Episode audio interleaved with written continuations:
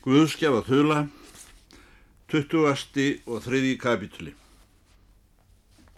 Bildingar ástand. Á Hótel Djúbvík var oft snættur hádegis matur sem samanstóða fiski og súpu. Fámdögum síðar þegar við ætlum að setjast til borðs tókum við eftir því að aðalgatan var fulla fólki og var yfir því nokkur ókýrð. Við letum þetta ekki á okkur fá en átum soðninguna. Það leið þó ekki á löngu áður en heyra mátti söng og tónlist að utan. Innan skams var farið að halda ræðu. Íslands Bessi fór nú að verða forvitin, stóð upp frá borðum og gekk sig út. Við hinnir vorum ekki komni nema spölkonn út í súpuna en súpa er á Íslandi snætt í eftirmat sem kunnugt er. Þegar gert var bóð fyrir kaptein Egil D. Grímsson, fulltrú á eftirlitsmann bankans. Hann stóð upp og fór út. Báðir vesirarnir voru hornir frá borðinu. Við ónafngreindir ómerkingar sem eftir sátum höfðum skamma signingar en stóðum upp frá borðum og fórum fram í móttökuna að gá út um gluggan. Þar stóð nefnd einmikil fyrir dyrum úti. Í miðri nefndinni stóð Bessi Hjálmarsson með stafinn í 30 gráða hotn og öðru leiti í búningi heimskapitalismas í sitti með tilherrandi harðkúluhatt á höstnum og sjálfreikjandi síkaretu í þeirri hendinni sem laus var og var að disputera við nefndina. Þessum disputeringum fylgdu stóri hlátrar. Kaftein Egil D. Grímsson leið ofan tröppurnar og tók ofan fyrir fólkinu og hafði haft með sér hatsinn í þvískinni. Sáar þar var hæstur í liði, orti á kafteinin orðum og kafteinin virti mannin fyrir sér hátilega upp undan glerun og silfurskeifan yfir skeikið var næstum bóknuð saman í ring meðan að hlusta á bóðskapmannsins þess efnis að vinnandi fólk kallar og konur sem hinga var komið á sildarvertíðina satt hér í svelti vegna aflaleysis og ekki aðeins heilar skipsafnirnar heldur einnig smiðir, tæknimenn og verkmeistarar alls konar. Að því fólk þetta verið svikið í öllum punktum og greinum og var nú að leggja á stöð burt hver sem betur gæt. Hljóf hver frá sínu verki í miðjum glýðum og kastaði frá sér ambóðum í reyði. Og er ekki peningur eftir í eigum manna, enginn hafði fengið kaup. Marki stopna til matarskulda hér í ókunnum stað fjari heimilum sínum og áttu skildulíð sitt bjargalöst í öðrum landslutum. Hvergi lánströst fyrir kviðfylli, margir vanheilir af sulti, stúlkur hvaðan ef af landinu höfðu verið gentarhingað með skjali og skrumi og myndi þjóðin blikna af smán væri þeirra hlutskipti gert heirinn kunnugt. Síðan var kaftinnum afhengt göfulegt skjál og veitti hann því viðtöku með salvelsi. Þetta myndi dálit á biskupsmessu, öðru nafni pontifikalmessu, tók síðan aftur ofan fyrir nefndinni og kom tilbaka í hóteli tautandi fyrir munni sér. Það er ekki eða er ekki. Um leið og hann steig yfir þröskuldin. Hann hengdi upp hattinn sinn á sama stað og hann hefði tekið hann og gekk inn í borðstofuna til að klára súpuna sína. Ég settist á minn stað og kláraði mína en aðrir gestir voru brott. Ég tók eftir því að kapteinin hefði ekki fyrir því að rýfa upp brefið með erindi verkalýðsins. Heldur lagði það hjá diskinu sinn. Það var í virðurlegu skjalaumslægi og mér þótti skrítið að ekki var neginn utanáskrift. Það verið nógu gaman að sjá hvað stendur þarna, segi ég. Kanski eitt að síma textan suður. Liggur ekkert á, saði hann. Óþarf að síma suður. Ég veit hvað stendur þannig að þarf ekki að lesa um það í blöðunum að sunnan. Það myndi nú kannski fleirum en íður þykja að saga til næsta bæjar ef allur verkalýður á djúbvík gerir verkfall og fer heim á miðri vertíð. Kaftin Eild, ég... Það kemur öngum öðrum við. Ég er fyrir bankan. Ég spyr, og hvers fulltrúi var sá maður sem hjælt ræðuna og fekkiður skjalið? Eh, Kaftinnin, að hverju spyrir þér að því, ungi maður? Margrun myndi spyrja hver sá maður hefði verið sem flutti mál verkfallsmanna, segi ég. Kaftinnin, eins og ekkert væri. Það var maður frá bankanum. Ég neyta því ekki að þessi vittneskja kom svolítið flatt upp á mig. Þó ekki meir en svo að ég vissi ekki fyrir hrotið hafið út úr mér. Ekki vant ég til að við sjálfur skrifa stjallið.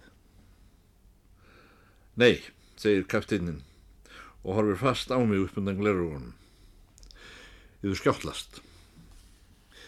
Ég hef ekki skrifað stjallið. Annars er yfir svo sem ekki of gott að rýfa upp þetta bref og lesa það, eða viljið. Innan í umslæginu var auð pappirsörk og annað ekki. Ég skoðaði þetta óskrifaða blað vandlega, báðum megin, ekki stafur. Kapteinin horfið á mig með fálættisvip með að ég var að skoða hvítan pappirinn og stökk ekki brós.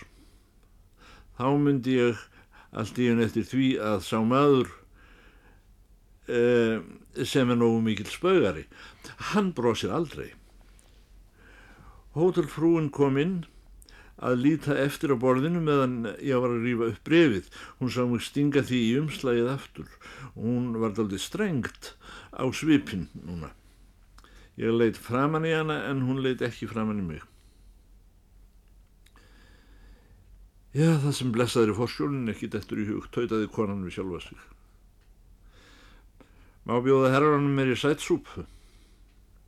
Við afþökkuðum báður og frúum fór út. Hvað átti konan við, spurði ég. Hún var að skjöna upp á mig, saði kaftininn, en ég leitt það ekki á mig fá. Við lifum all fyrir náð, frúin líka.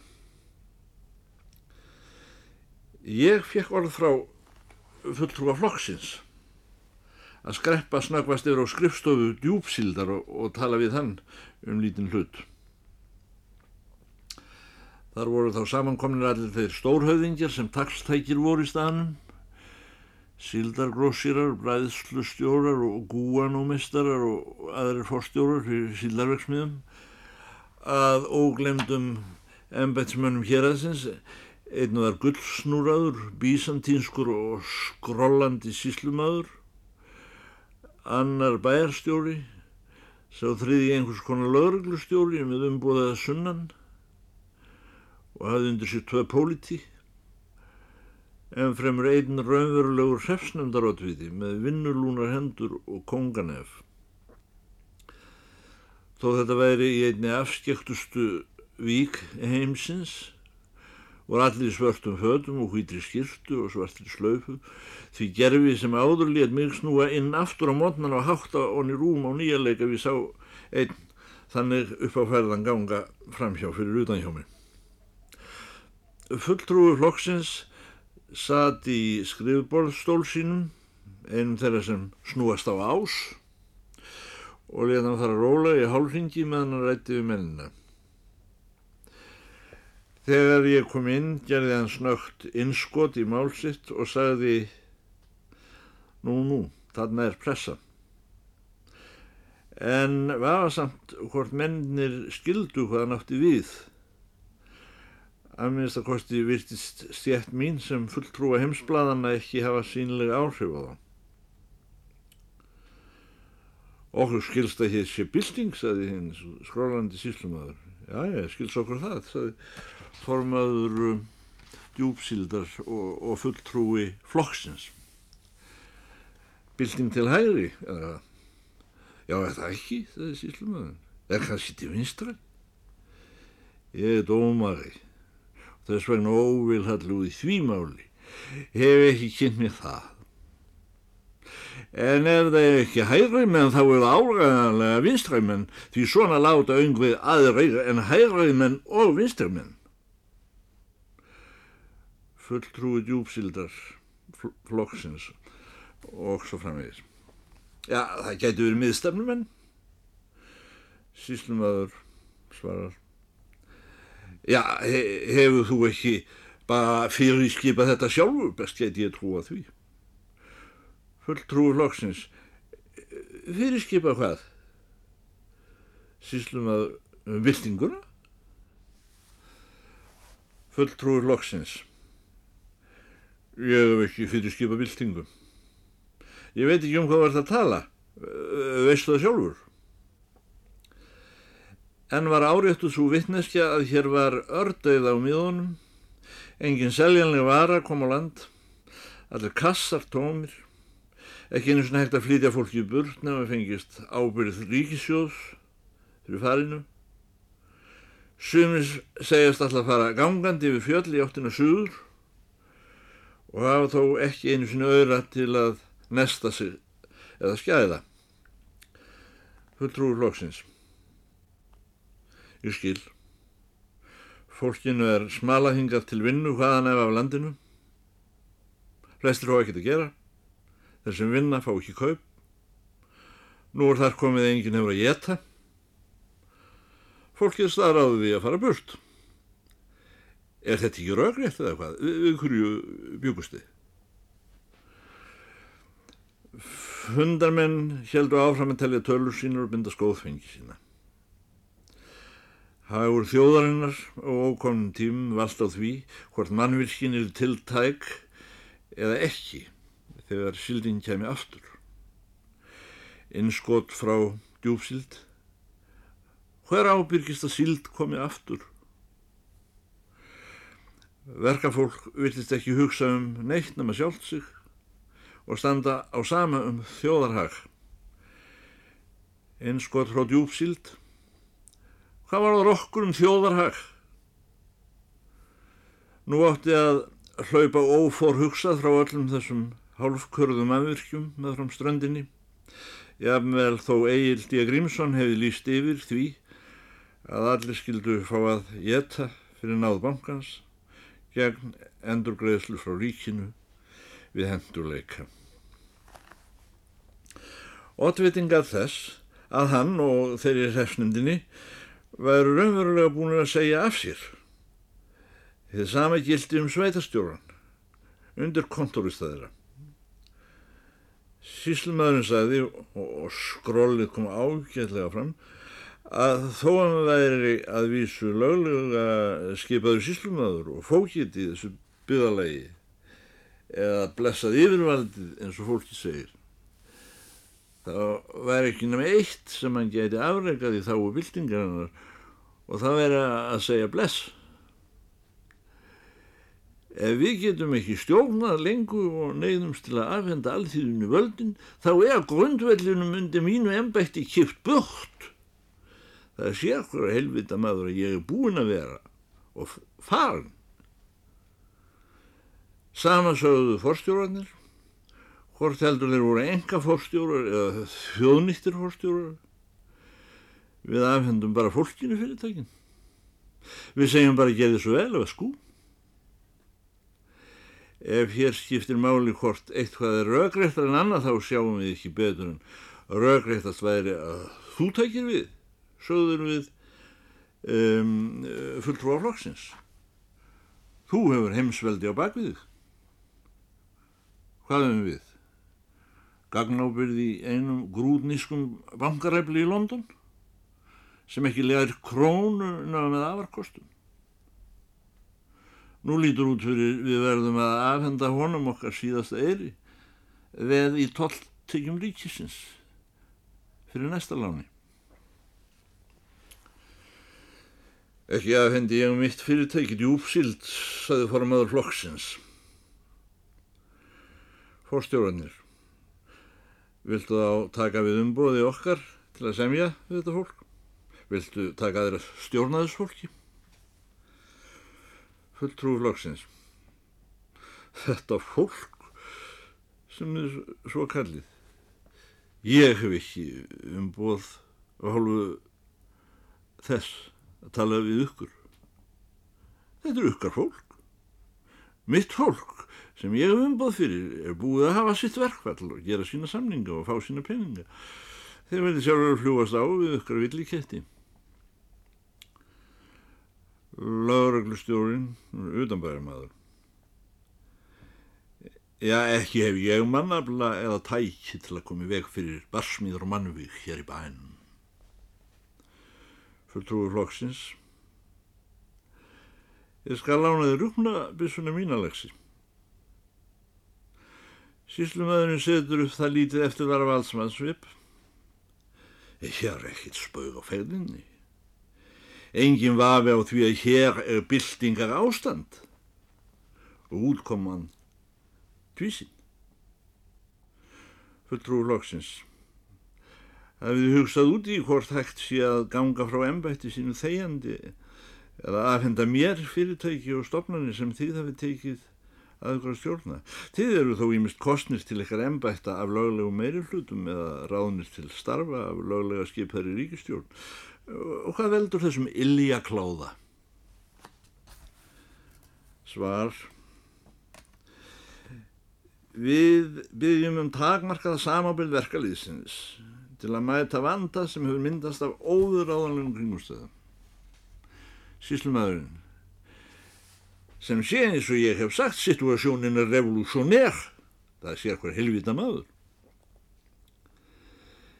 Í sunnanblöðum frá þessum tíma má lesa fréttaskeiti sem reyndar er ekki beint orðað af mér sem söguna segi þó ég myndi ekki með öllu vilja þó hendur mínar uppröna þess. Það er sagt að embættismenn og stór yðju forkólvar og djúbvík að undanteknum Bessa Hjálmarsinni hafi nú síðdegis leitað hófana við málsvara fyrir verkafólki á staðnum meðan það er sem óðast í brottbúnaði hérna og bóði því að stopna vandræðanemnd, það er að segja nokkur svona byltinganemnd til meðstjórnar og fyrirtækjum bæjarins og jáfnvel embættum ríkisins meðan við er að etja óviðráðanlegan kringustæður í atvinnumálun. Svar af hendi verkafólks mun hafi verið neikvætt. Um kvöldi voru fáir inni hjá sér en þeim um fleira á göttunni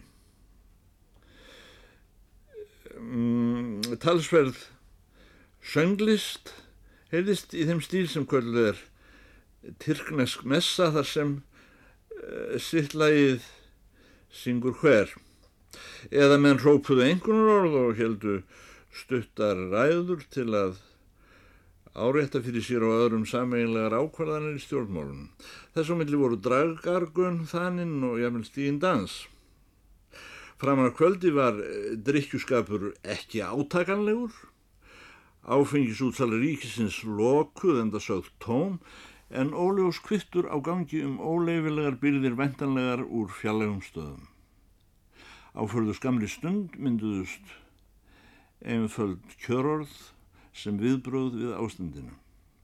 Þegar liðið var að kvöldi fóru áhuga hópar í hergungu og sungu einn, tveir, einn, tveir, millir þess sem þeir æptu ansvar fólks við hugmyndum yfirvaldana til að mynda allra á stað, mars, einn, tveir, við viljum ekki eiga verksmiður, einn, tveir, við viljum ekki stjórna bænum, Einn, tveir.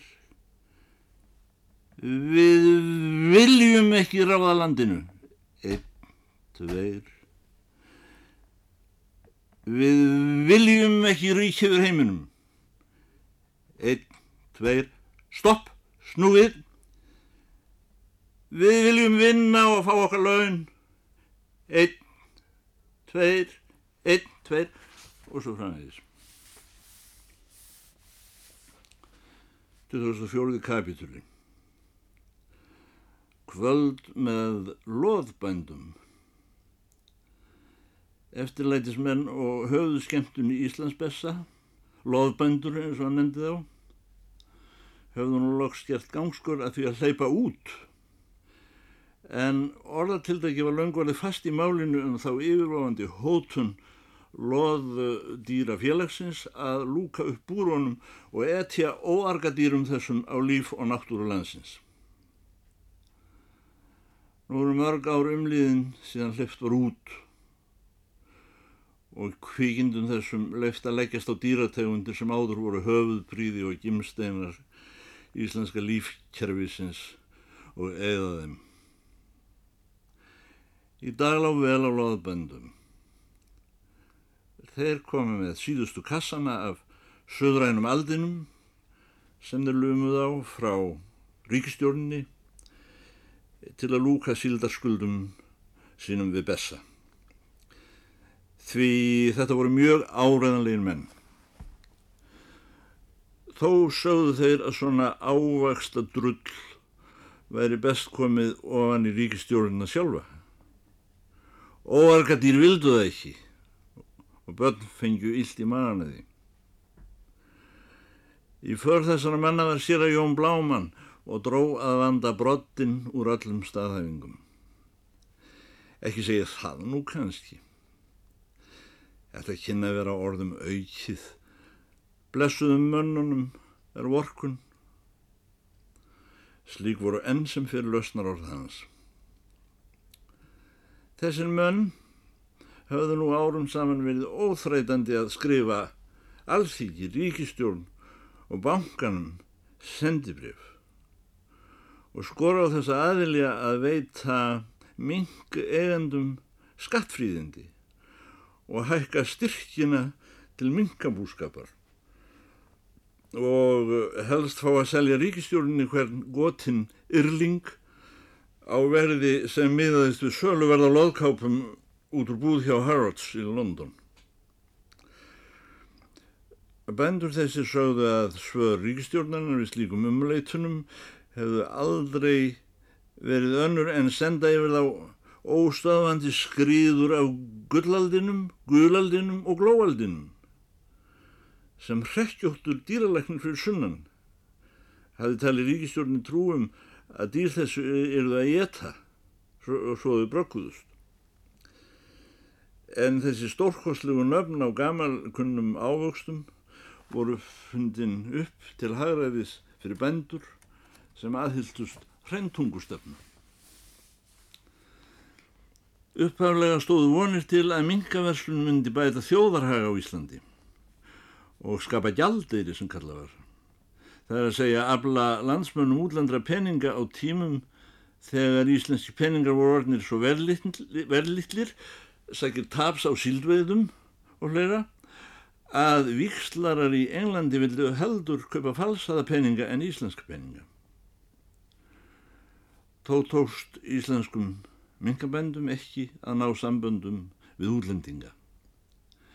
Minkaverslun á Íslandi var því aðalega stunduð af eigendum kvikndarna, sínómilli, innanlands samkvæmt grundvallaratriðum frændsemi skiptinga. Sjaldan heyrðist að nú hefði Íslands minkaskinn verið verkað í kápu. Því síður komið í skýrslur utanríkisverslunarinnar. Aftur á móti voru minkabúin á stöður í ringrásmilli minkabænda. Því þeir voru einlegt að reyna að uppbúsa nýja og nýja aðferð til að hlunfara hver annan í minkaverslun. Þeir einfaldar í byggðu einlegt lagri hluti þessum leik og sátu uppi með úrgangstýr og rusl, sækir grandalessis samfara oft trösti á náungan að gamla sagan. Þetta er í raun og veru svipaður leikur og, og við höfum haft okkur til dagrastýtningar frá ómuna tíð og kallaður húuleikur eða lauma. Leikendur sitja kringum borð og láta húur sína gangar hringin undir borðinum. Sá sigra sem býr yfir hugviti að geta sér til um hvar besta húan sé niður komin og reppir húuna. Ekki veit ég hvert mark Íslandsbessi kunni að taka á minkabændum í raun og veru. Ég hef hann aldrei ræða almenn mál við þá fremur en aðra. Spurningin er eftir vil ofskild hinni hvort Íslandsbessi tók í rauninni marka nokkrum manni. En bersinlega var honum unadur að hlusta á öndvegismenn íslenskrar endurreysnar ræða samskipti við ríkistjórn sína sem að sög þeirra var mjög gáð og útsmógin, en þó ekki eins gáð og útsmógin og þeir sjálfur. Svipað og menn tala um smala tíkina sína, þetta stórvitra kvikindi og svo framvegir. Ævísuð var hún dálitið ógegnin á pörtum og ekki allt hinn beinlýnis vel örtuð, myndi þó, myndi þó sent býtað á í hælinn hvað sem þeir settu oft í hana fótinn.